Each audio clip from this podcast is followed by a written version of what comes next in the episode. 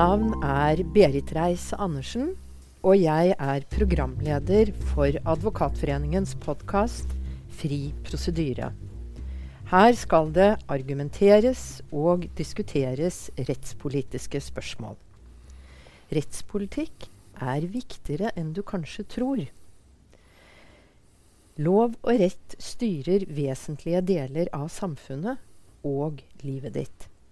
I hver podkast tar vi for oss et nytt tema i samtale med en person som brenner for akkurat dette emnet.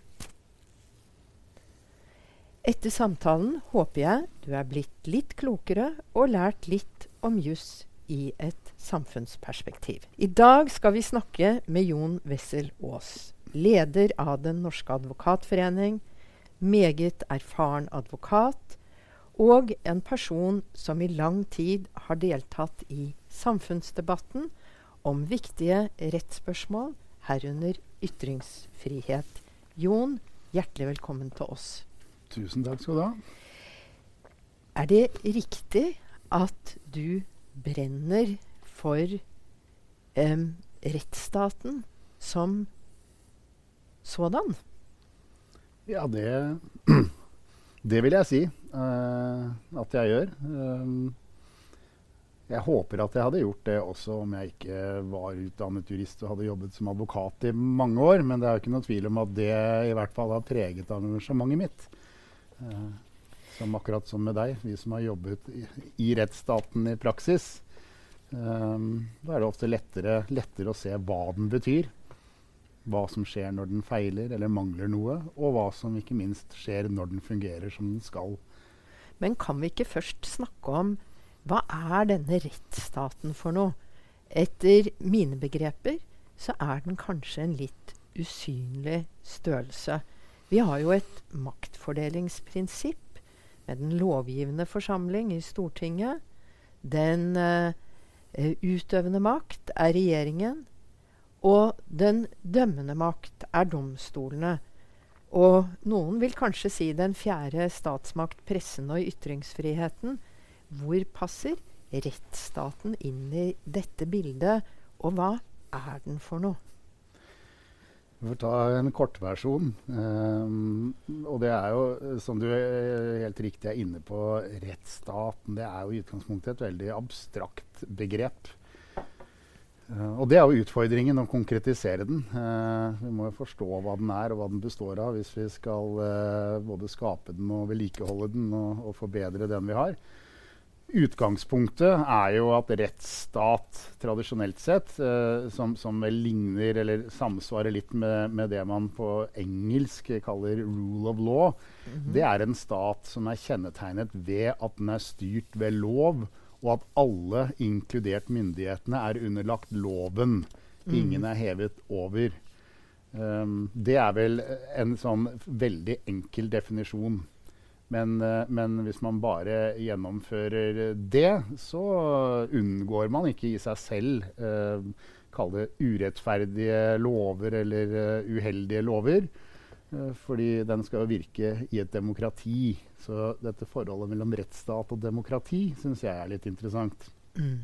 Kan vi si at rettsstaten er despotenes fiende, nettopp fordi den må styres av lover? Det kan vi si. Man, er, man, fokuserer jo ofte på den siden av rettsstaten. Uh, at den er et bolverk mot det autoritære, mot diktaturet. Uh, men dessverre så, så, ser vi jo igjen, litt i moderne tid, også i vestlige demokratier, eh, behovet for en rettsstat også mot den typen krefter. Men i et land som Norge, hvor vi ikke har opplevd tendenser til den typen regimer i det hele tatt, så faller det ofte litt på stengrunn å inspirere folk til å være opptatt av rettsstaten for å passe på at det ikke kommer en ond hersker som vil diktere over oss. Og da syns jeg en annen side ved rettsstaten som er minst like viktig, og som gjelder hele tiden, det er, og det er å utvikle forståelsen litt. Um, og det går på Du nevnte dette med, med, maktfordeling, som jo også er en del av rettsstaten, skråstrek et fungerende demokrati. Det er erkjennelsen av altså at rettsstaten også er en erkjennelse av vår feilbarlighet og alle demokratiets og rettsstatens institusjoners feilbarlighet. For de styres av mennesker, og vi er feilbarlige. Mm. En god rettsstat sørger for at disse institusjonene ikke bare er motmakter mot hverandre, men er i et samspill. Altså F.eks. sånn at hvis en regjering, som det hender også vår regjering gjør, legger fram et lovforslag som etter nærmere ettertanke og analyse viser seg å være i strid med Grunnloven, ja, det, det, gjør de jo titt og ofte, og ikke fordi det er onde hensikter, men fordi de vil noe politisk. Ja, så kommer kanskje det sivile samfunnet inn i høringsrunder og peker på denne mangelen ved lovgivningen. Før Stortinget får dette, kanskje regjeringen retter det opp selv. Hvis de legger det fram for Stortinget, så hører Stortinget på disse innsigelsene. Og så ender det med at loven får en justering som gjør at den er innenfor Grunnloven f.eks. Det mener jeg er et typisk banalt eksempel på det samspillet. Det er ikke, vi må regne med at det blir begått feil her og der. Eller at uh, Nav treffer et feilaktig vedtak i en enkeltborgers sak.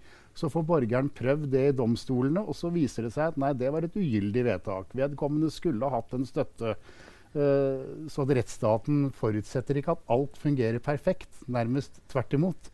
Men den forutsetter at dette samspillet sørger for at vi ender opp med færrest mulig si, overgrep mot borgerne, eller uh, inngrep i borgernes rettssfære, eh, gjennom det samspillet. Men nå har du sagt noe interessant. Eh, for det første at rettsstaten forutsetter at feil og urettferdighet oppstår, og er for så vidt en medisin mot det. Og så har du sagt at rettsstaten må fungere slik at ulike deler av samfunnet kontrollerer hverandre. F.eks.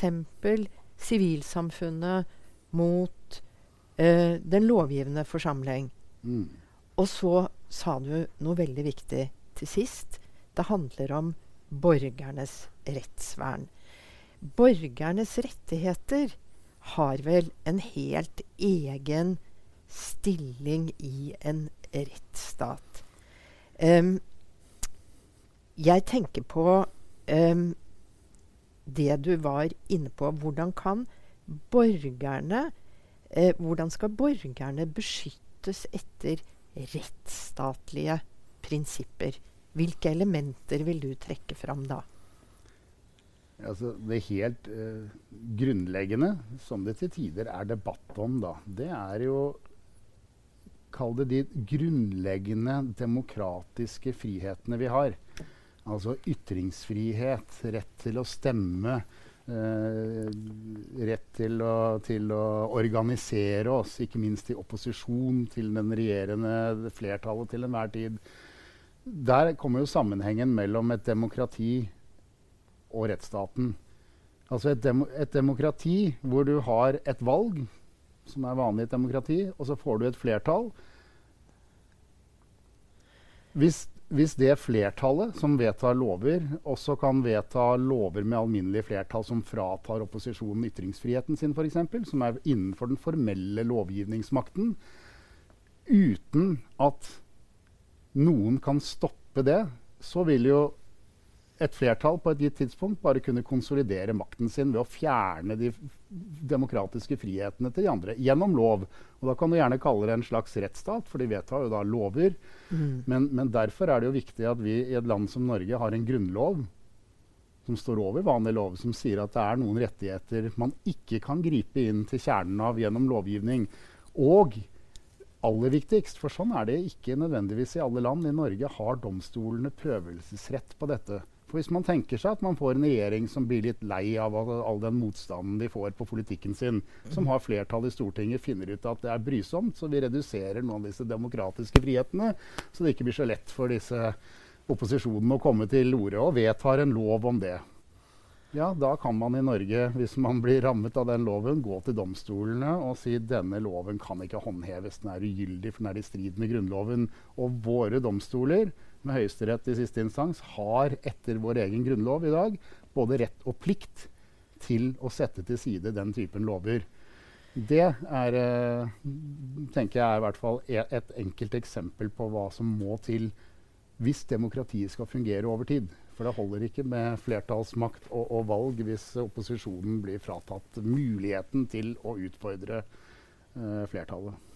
Men du sier altså rettsstaten garanterer borgerne noen grunnleggende rettigheter.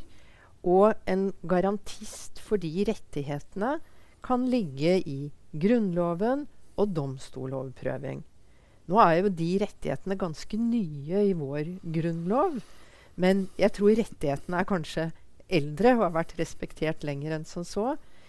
Um, men så kan det jo være Borgerne kan jo ha interesse av um, Altså, man skal løse en konflikt um, i et arbeidsforhold en tvist med naboen, barnefordelingssak En alminnelig borger har jo mange interesser og konflikter.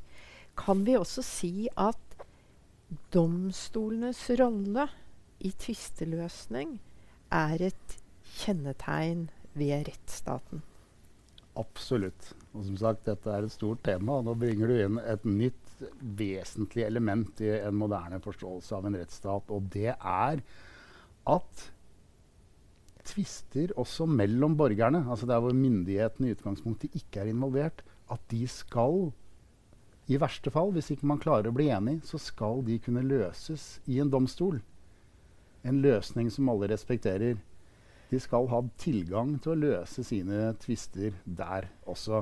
Men nå er jo og, det fryktelig dyrt. Nettopp. Og Hvordan det, skal det løses? Er det en reell rettighet da? Jeg, jeg, tror at det du peker på nå, i, i et land som Norge, som, som tross alt eh, i henhold til alle uavhengige indekser scorer blant de aller høyeste og kanskje høyeste enkeltår på rettsstater i verden, så er nok et av de områdene hvor vi har en jobb å gjøre, det er å gjøre folks formelle rettigheter, formelle adgang til domstolene, reell. Og det er ikke nødvendigvis lovgivningen som er problemet der. Det er budsjetter. Altså, så det henger jo sammen. Det nytter ikke å gi folk en rettighet hvis ikke du gjør det mulig for de som ikke har uh, så mye penger, å hevde rettighetene sine fordi de ikke har råd til advokat, f.eks. Eller ved at domstolene ikke er uh, satt opp med nok ressurser til å kunne behandle disse sakene innen en tid som hjelper partene uh, i det hele tatt. Hvis det går åtte år til du får en løsning, så er kanskje ikke domstolen interessant. Sånn at den siden av, uh, det, er den siden jeg er opptatt av for tiden når vi snakker om rettsstatspolitikk. Det er at vi må se om det som formelt ser fint ut i loven, egentlig har en realitet. For Hvis den ikke har det for noen, da har vi ikke en rettsstat. For hvis ikke den gjelder for alle, da kan vi ikke kalle det en rettsstat. Da er det en rettsstat for noen, men ikke for alle. Og da hører jeg ordet fri rettshjelp nærmest komme opp som en plakat. Det er et så viktig tema at Advokatforeningen har laget en egen podkast om det emnet. Men det er ett hjelpemiddel for at borgerne skal ha en reell adgang til domstolene og en reell adgang til tvisteløsning. Nå har jo du som nyvalgt leder av Advokatforeningen nettopp holdt en årstale om rettsstaten. Og da synes jeg at du i din tale var inne på noe veldig interessant og fortalte om et godt eksempel at i et moderne samfunn så er det andre og kanskje billigere måter å løse tvister på ved at eh, man har klageorganer, at forvaltningen hjelper deg. Og da hadde du et fantastisk eksempel om Lånekassens klageordning. Kan ikke du fortelle om det?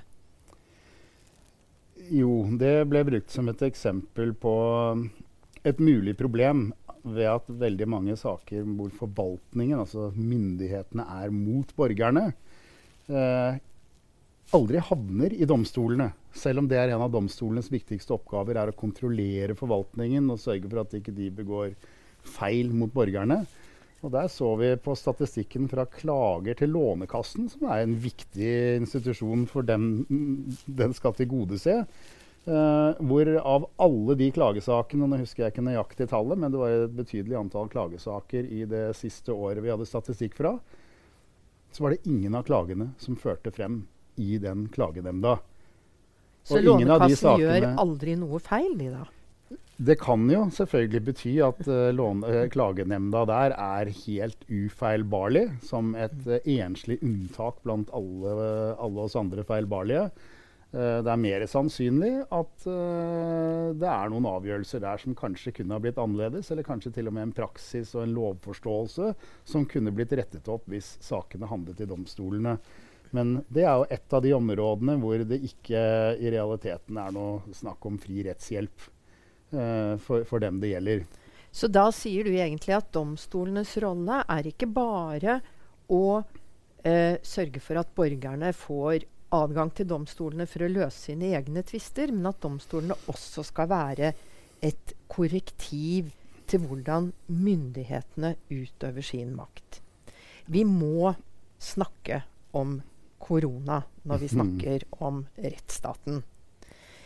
Um, for det har jo vært en stor diskusjon gjennom hele 2020 at vi skal ta en dugnad vi skal finne oss i å leve med innskrenkninger for å oppnå et høyere gode og ikke bli smittet av denne grusomme sykdommen. Um, hvordan har det fungert? Har vår rettsstat bestått prøven i den prosessen? Det er vel det er for tidlig å ha en endelig konklusjon på det. Eh, og det er klart, det er klart at eh, helt eh, nedslag til 20 kan vi ikke si at det har hatt. Men i det store og det hele så syns jeg jo rettsstaten har fungert. Fordi eh, også sivilsamfunnet har vært aktive i å delta med alle disse koronareglene som blir sendt ut på høring på kort varsel osv. Korte høringsfrister og fått justert ting som ellers kunne gått ille. Fullmaktsloven som regjeringen ønsket å få i fjor, som mange av oss da mente gikk altfor langt i å overføre lovgivningsmakt til regjeringen, den ble jo betydelig eh, modifisert etter nettopp samspill med sivilsamfunnet, fagkompetanse fra Advokatforeningen og universitetene, som Stortinget lyttet til. Sånn at uh, Det er et eksempel på samspillet, men vi har absolutt vært under press. Og det er jo typisk når, når det er et eller annet som truer oss, som truer liv og helse. Det er jo som regel da vi er villige til å ofre veldig mange andre prinsipper. Men jeg syns at vi, med noen unntak, så har vi stort sett hittil klart å lande noenlunde på beina med litt snubling.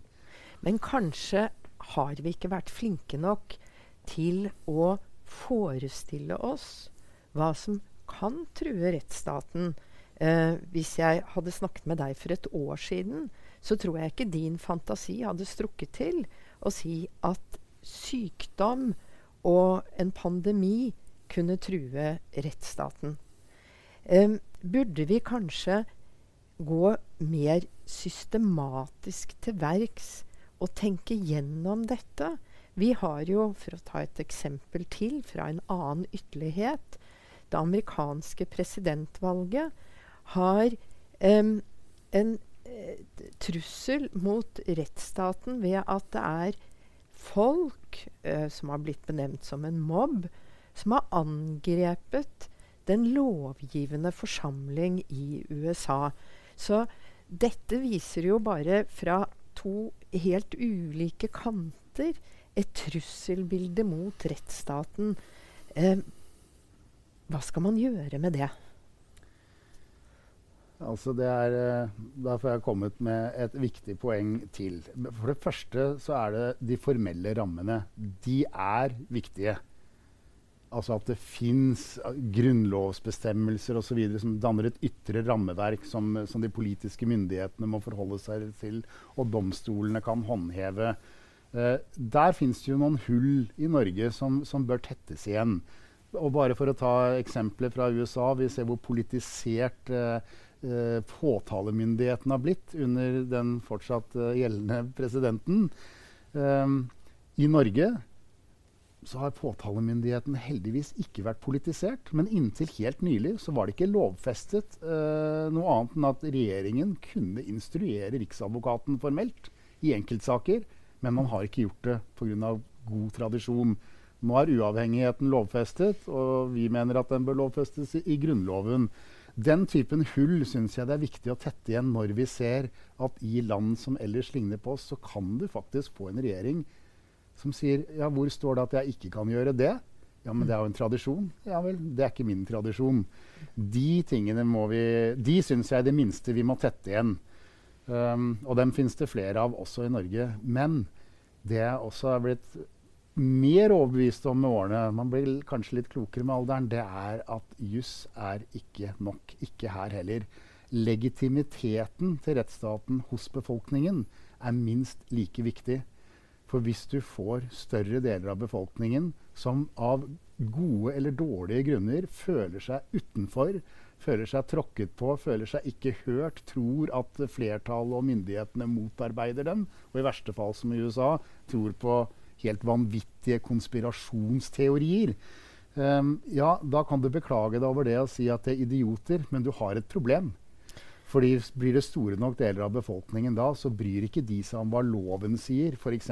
om hva et valg betyr, hvis de vil beholde den presidenten de vil ha, og er villige til å bruke vold for å gjøre det. Sånn at jeg tror Et like stort prosjekt det er å gjøre størst del av befolkningen, inkludert allerede fra skolealder, mye mer i hva en rettsstat innebærer, med på den demokratiske prosessen som vi har hver dag høringer om lover, være vi i Advokatforeningen som prøver å være flinkere gjennom sånne podcaster til å bringe disse spørsmålene ut til folk, så de slipper å lese tunge dokumenter i nettarkivene til regjeringen f.eks. For. Fordi uten legitimitet i befolkningen så spiller det formelle til syvende og sist ganske liten rolle. Men Jon, du har tatt til orde for at man i Norge burde ha en rettsstatspolitikk. Hva mener du med det? Med det mener jeg eh, for det første noe annet enn justispolitikk. Det kan høres likt ut, men justispolitikk, det, som alle partier har en programpost på, det er et mye snevrere begrep.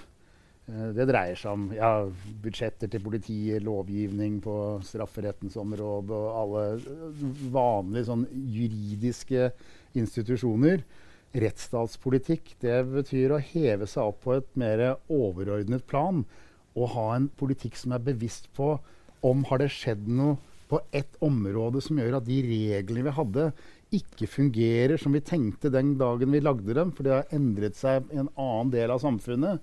Eller at rettshjelpssatsen uh, har stått uendret uh, i ti år mens, uh, mens, mens, det har vært inflasjon.